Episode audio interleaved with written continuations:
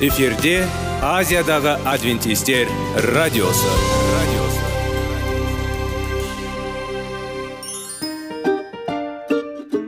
сәлем достар. Денсаулық өмір бұлағы және біздің бірінші байлығымыз демекші денсаулық сағаты рубрикасына қош келдіңіздер. Біздің рубрикада біз әртүрлі факторларменен мәліметтерменен кеңестерменен бөлісіп шын жүректен сіздердің дендеріңіз сау болғанын қалаймыз.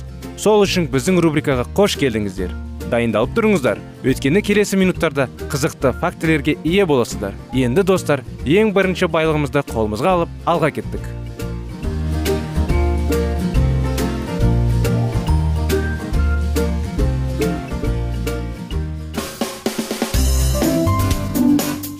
Денсаулық туралы хабар. Денсаулықтың ашылуы. Күн сайын сөз үшін күшті кеңестер соңғы жаңалықтар қызықты факторлар. Біздің рубрикада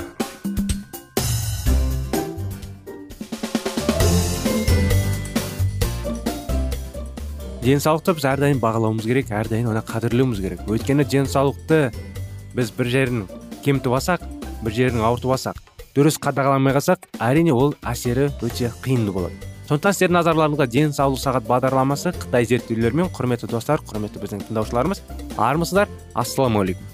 Тақырыбымыз ары қарай жалғастыра кетеміз. Майлар және сүт безі обыры. Егер сіз қоректік заттардың белгілі бір көрсетілімін елестетсеңіз онда майлар көп орын алады. Көптеген адамдар ғалымдардан бастап мұғалімдерге дейін мемлекеттік саясатты әзірлейтін адамдардан бастап өнеркәсіп өкілдеріне дейін ұзақ уақыт бойы зерттеу жүргізеді. Немесе майларға қатысты мәлімдемелер жасайды. Жарты ғасырдан астам уақыт бойы халықтың әртүрлі топтары. Осы пікірталастарға өз үлестерін қосып келеді. Егер бұл ерекше шеру кешенде басталса оның тауарда отырғандардың барлығының назары сөзсіз май платформасына түседі. Адамдардың көпшілігі кезде түрде оған айтқан еді. Маған тұр қалыс бұл содан кейін жеп еді қалыңдығы кесек басқалары платформаның қанықпаған майлардың тұратын бөлігіне көтеріліп бұл майлар денсаулыққа қауіпсіз тек қаныққан майлар зиянды деп айтады. Көптеген ғылымдар платформаға нұсқап оның ішінде жүрек тамыр және онкологиялық аурулар жасырылады деп мәлімдейді. Сонымен бірге марқұм роберт анкинс сияқты тамақтану саласындағы өзін өзі жарияладаған эксперттер осы платформада кітап дүкені ашу мүмкін. Күннің соңына қарай майлардың тақтай түрінде тамақтанған қарапайым адам жүрек айнуын сезінеді. Ол не істегенін және неге екенін түсінбейді. Орташа тұтынушының шатасуға жақсы себептер бар. Майлар туралы сұрақтар соңғы 40 жылдағыдай жауапсыз қалды. Біздің диетада қанша май болу керек?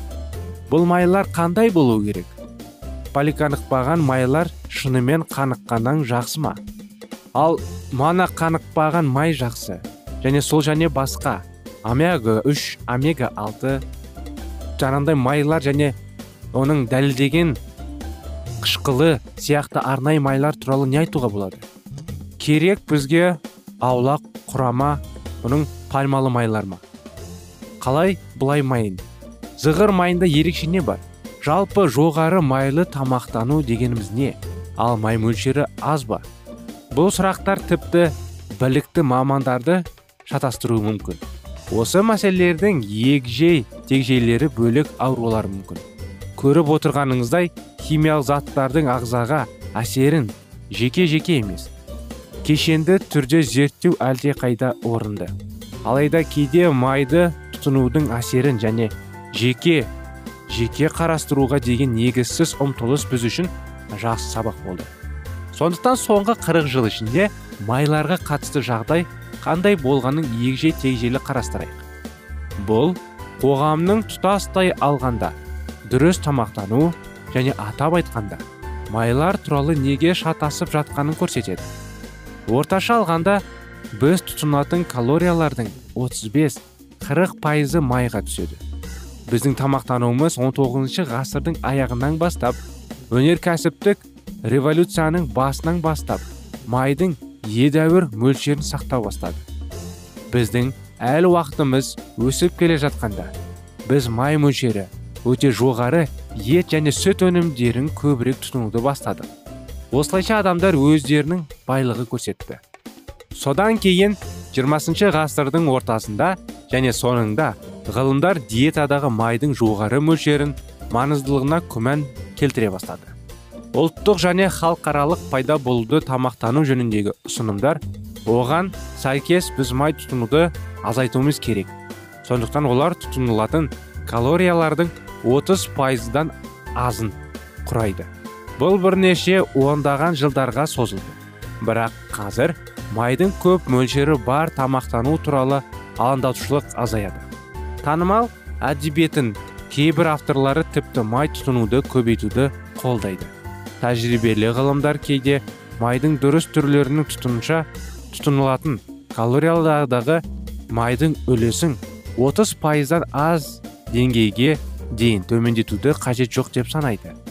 30 пайыз деңгейі белгілі бір бағдарға айналды. Тіпті бұл шекті дәл солай болу керек деген дәлелдер болмаса да кестеде көрсетілген кейбір тағамдардағы май құрамын талдай отырып осы көрсеткішті толығырақ қарастырайық. Азық түліктегі майдың мөлшері кейбір жағдайларды қоспағанда жануарлардың тағамында қарағанда май көп. Бұл әртүрлі елдердің тұрғындарының тамақтанудағы май мөлшерін салыстыруды жақсы көрсетеді. Майлар мен жануарлардың ақауыздардың қабылдау арасындағы байланыс асып түседі. 90 пайыз. Бұл жануарлардың ақауыздарын тұтынумен қатар майларды. Тұтыну да артады дегенді білдіреді. Басқаша айтқанда тағамда майлардың болуы тамақтанудағы жануарлар ақауыздарының санының көрсеткіш болып табылады. Және бұл өзара байланыс байқалды. Әрдайым дерлік майлар және онкологиялық ауруларға назар аудару.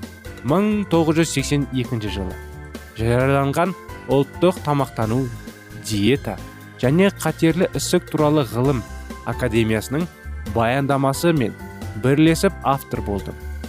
Сарапшылар тобының қатерлі ісік пен диетадағы майлардың өзара байланысы туралы алғашқы есебі болды.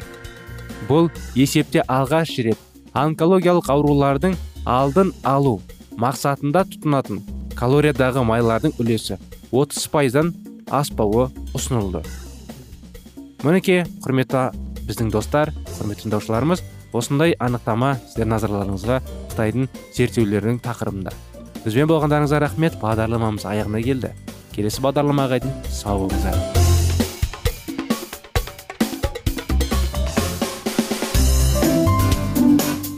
Денсаулық туралы хабар. Денсаулықтың ашылуы.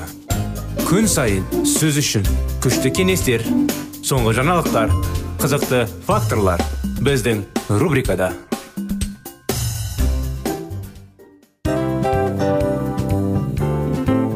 Әуелі байлық денсаулық екінші байлық он саулық үшінші байлық ақ жаулық ал енді осындай радио парақшадан кейін не дейміз? Барлықтарыңызға денсаулықтарыңыз зор болсын деп тілейміз. Денсаулықтың өзгеруі кішкентай нәрселерден басталады. Осымен біз берген кеңестер мен мәліметтер шын жүректен сіздер үшін қандай да бір болсын жәрдем берді деп үміттенеміз. Тыңдаушыларымызбен келесі радио парақшасына дейін қоштассамыз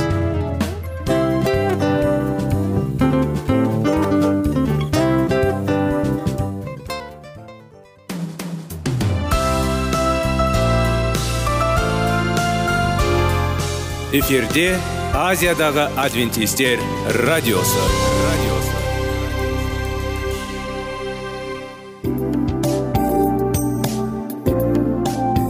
Сәлем достар.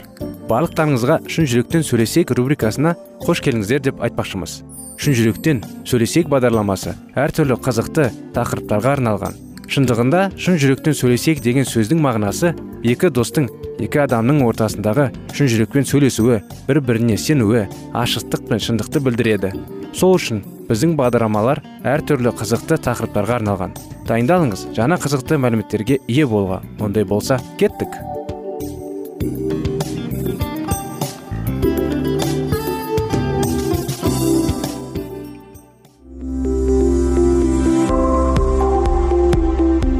алтын сөздер. Сырласу.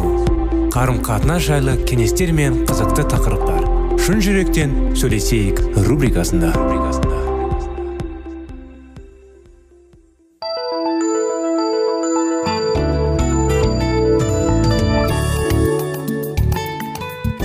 Сәлем достар армысыздар құрметті радио тыңдаушыларымыз. Сіздермен бірге шын жүректен сөйлесейік бағдарламасы. Сіздердің назарларыңызға 25 керемет неке оқиғаларын жалғастырудамыз. Құдайды мадақтау деген оны бүкіл адамзатқа ету тәңір біздің өміріміз отбасымыз әрі ұрпақтарымыз арқылы осы дүниеге атақты құдай болуын қалайды. Рухани балаларын көбейтуге біздің некемізден басқа одан да жақсы құрал жоқ. Егер сіз ешқашан балалы болмасаңыз құдай некеңіз арқылы сіздің өзіңіз баласы қылуды қалайды. Ол сізді өзіне ұқсатып патша салтанатының өкілі етеді. Сіз де жұбайыңызға өміріңізді арнап онымен бірге тұрғанда құдайға ұқсап кетуге көп мүмкіндік болады. Біз исаға ұқсайтын мінез құлқы жағдай жақсы болғанда көрінбейтінін байқадық. Құдайға ұнамды мінез отбасындағы өмірде көрінеді екен. Мен күйеу болып некемізді лаулап жанып тұрған пешпен ал біздің өміріміз металл қораптасымен салыстырып ұстатқан. Жанып тұрған пеш металл қораптасында қалай әсер етеді? Ол соның қоспасын бөлектейді менің неке сақинам таза алтыннан жасалған болып көрінуі мүмкін. Бірақ оның құрамы елу пайыздың басқа металдардан болуы мүмкін. Егер біз сақинаны пеште тықсақ онда соның қоспасының барлығы бөлініп шығады.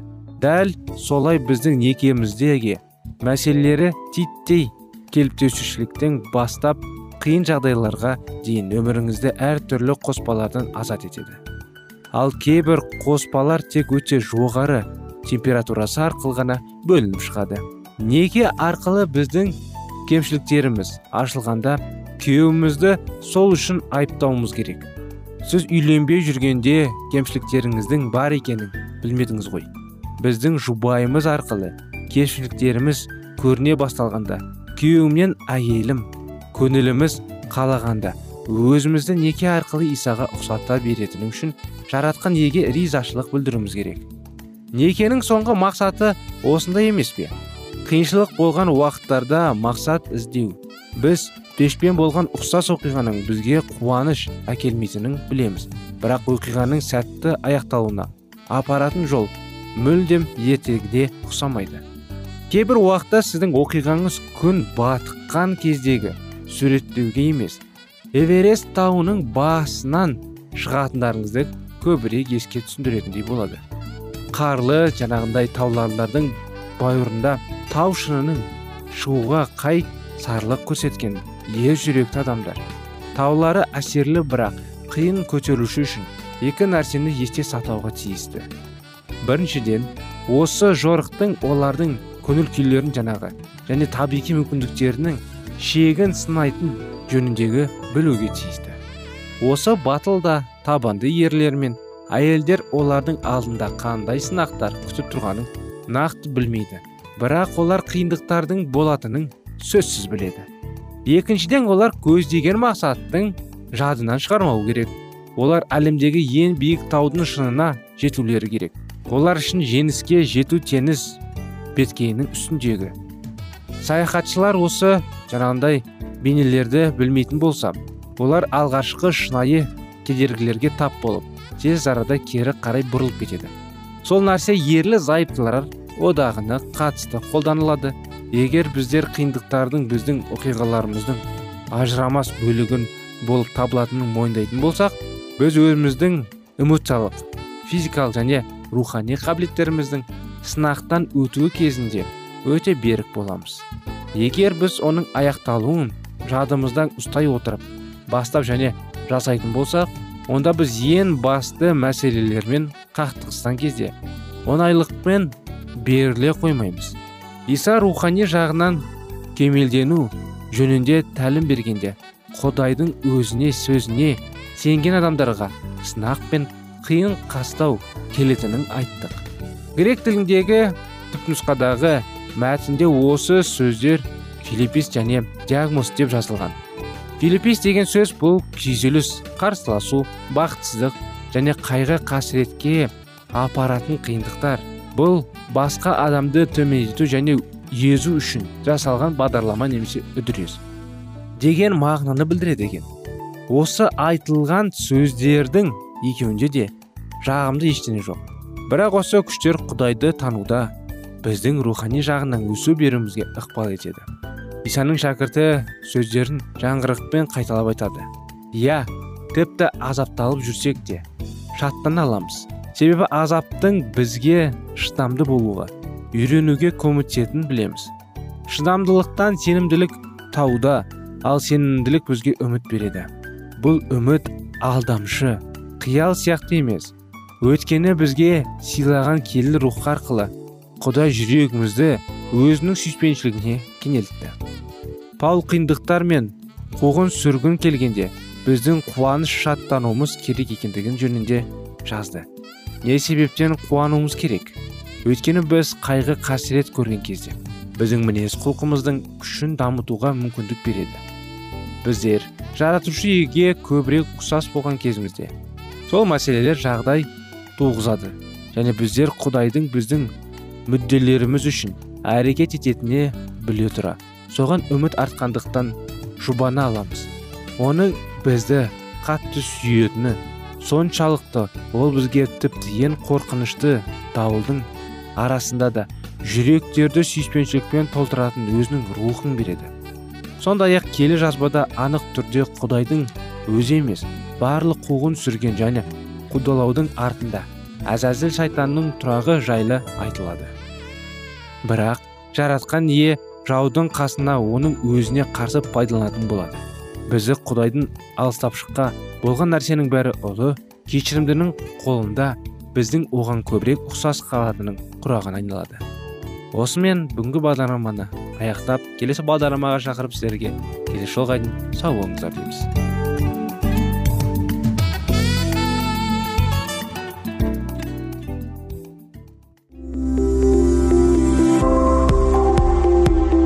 Алтын сөздер. Сырласу.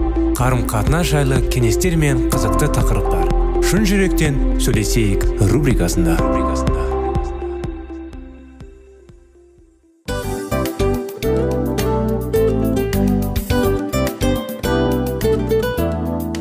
Құрметті достар барлық ең соңғы кеңестер аяқталған соң біздің программамыз соңына келіп қалды. Осы біздің мәліметтер осы рубрикада айтылған әрбір сөздер сіздерге өзінің қандай да бір пайдасын алып келді деп шын жүректен сенеміз. Және бұдан да көптеген рубрикаларымыз бар. Басқа рубрикаларымызда біздің зерттеулерімізде сіздер үшін тағы да қызықты мәліметтер дайын. Біздің шын жүректен сөйлесейік парақшамызда көптеген әдістер ең соңғы кеңестер адамның нравственность жақтан моральдық жақтан тазалап байыта тұрған соңғы кеңестердің барлығын жанарады. Сондықтан алдыңғы күндерде бізбен бірге болыңыздар. Өйткені барлық қызықтар алдыда. Бізбенен бірге болғандарыңызға үлкен рахмет. Келесі кездескенімізше сау сәлемет болыңыздар.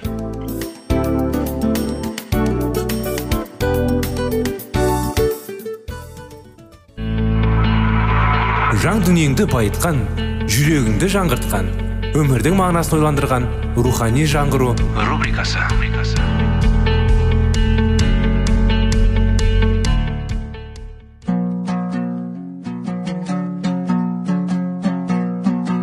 Ассалаумағалейкум біздің тыңдаушыларымыз.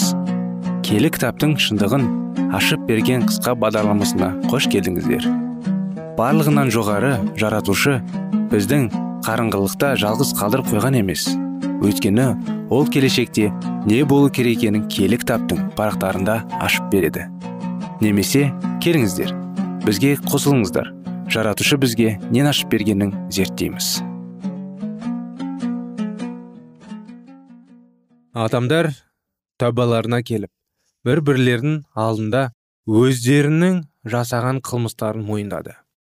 Жақындарының құтқарылып қалуына қам жасады және бір бірлерін тілектерін тіле бастады.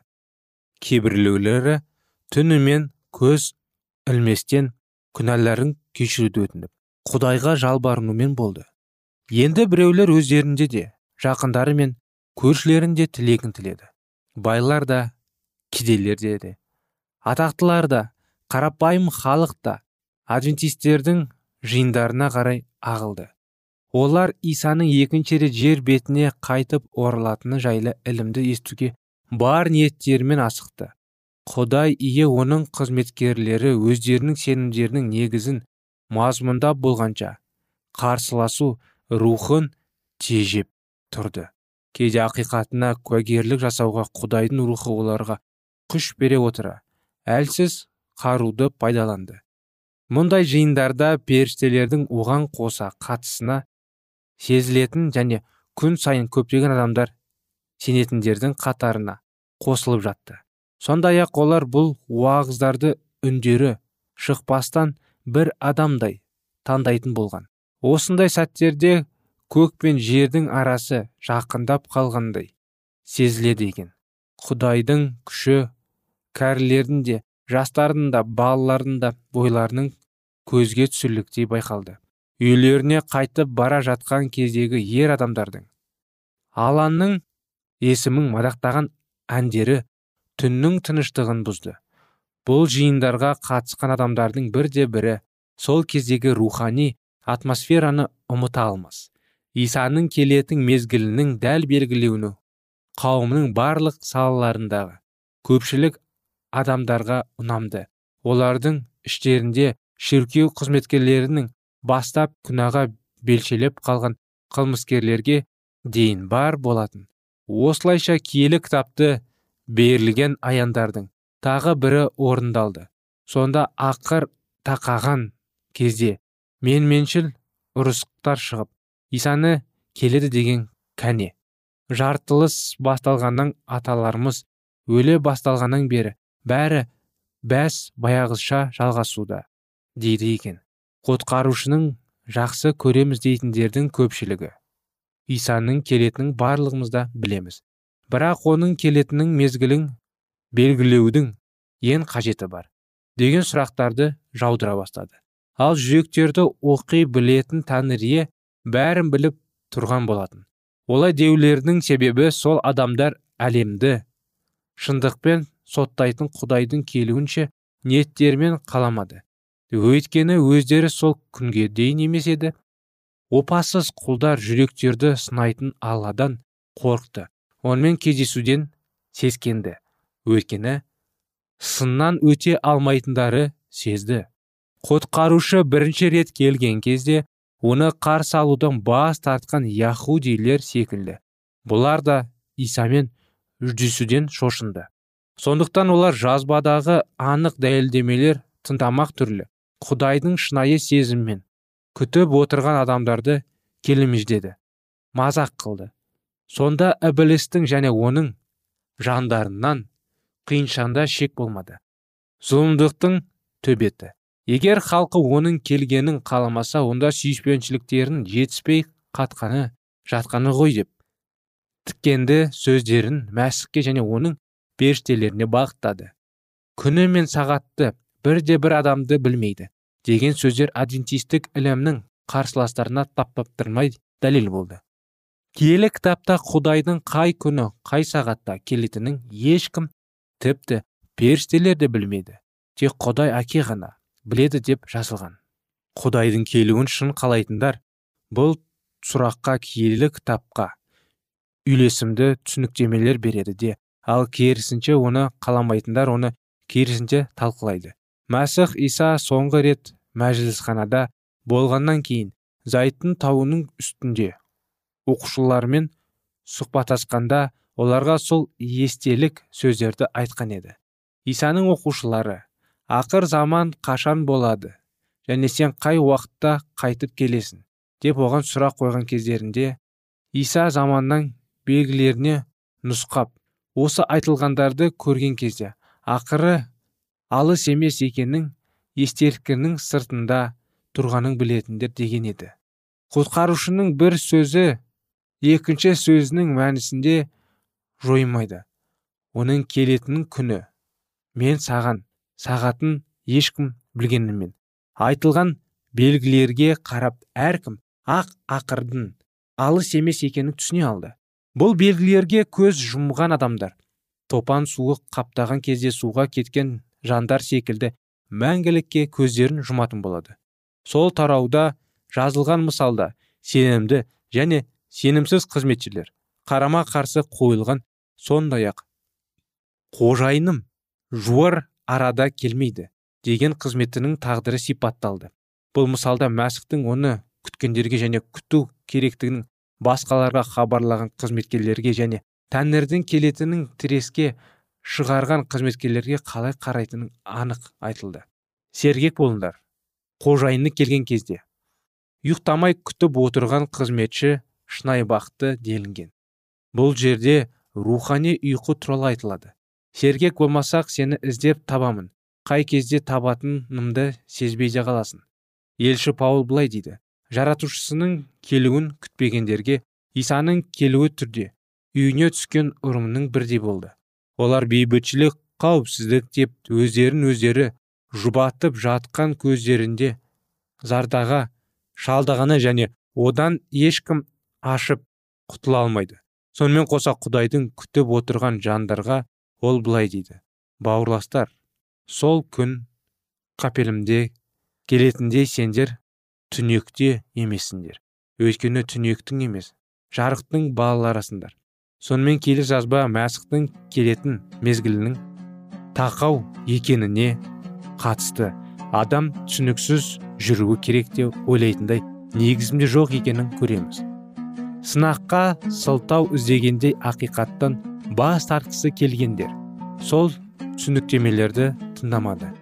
Дөөркі мысқылшылдашылар тіпті мәсіхтің сайлаған қызметкерлерінің өздері тоқтаусыз. Сол күні мен сол сағатты ешкім де білмейді деп қайталаумен болды.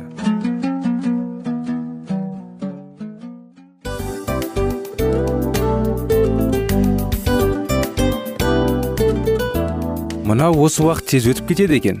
Біздің бүгінгі рубрикалардың аяғына да келіп жеттік. Ақпаратымызды парақшамызды қазір ғана бастаған сияқты едік. Соңында да келіп қалдық. Уақыт деген тегі білінбей өтіп кетеді екен. Бүгінгі 24 сағаттың алтындай жарты сағатын бізге бөліп арнаған үшін рахмет. Егерде өткен сфераларда пайдалы кеңес алған болсаңыз біз өзіміздің мақсатқа жеткеніміз. Кеңестерді қолданам десеңіз өзгерістерді кішкентай қадамдардан бастап іске асыра беріңіздер де жасағандарыңыз үлкен үлкен жетістіктерге жете берсін. Шын жүректен әрбір берілген кеңестер сөздер сіздерге пайдасын әкеледі деп сенеміз. Сіздермен бірге кездесулерімізді сөзсіз түрде асыға күтеміз. Сәтті күн тілеп сіздер менің ұзаққа қоштаспай келесі кездескенімше тек қана сау саламатты болыңыздар дейміз. Достар біздің бағдарлама бойынша сұрақтарыңыз болса әрине сіздерге керекті анықтама керек болса біздің whatsapp нөмірімізге хабарлассаңыздар болады. Плюс бір үш жүз бір жеті жүз алпыс алпыс жетпіс. Иә достар сіздер қателеспедіңіздер бұл біздің номерлерге ұқсас болмаса да бұл whatsapp номер арнайы. Хабарласыңыздар сұрақтарыңызды қойып тұрыңыздар. Анықтаманы алып тұрыңыздар. Плюс бір үш жүз бір жеті жүз алпыс алпыс жетпіс whatsapp номері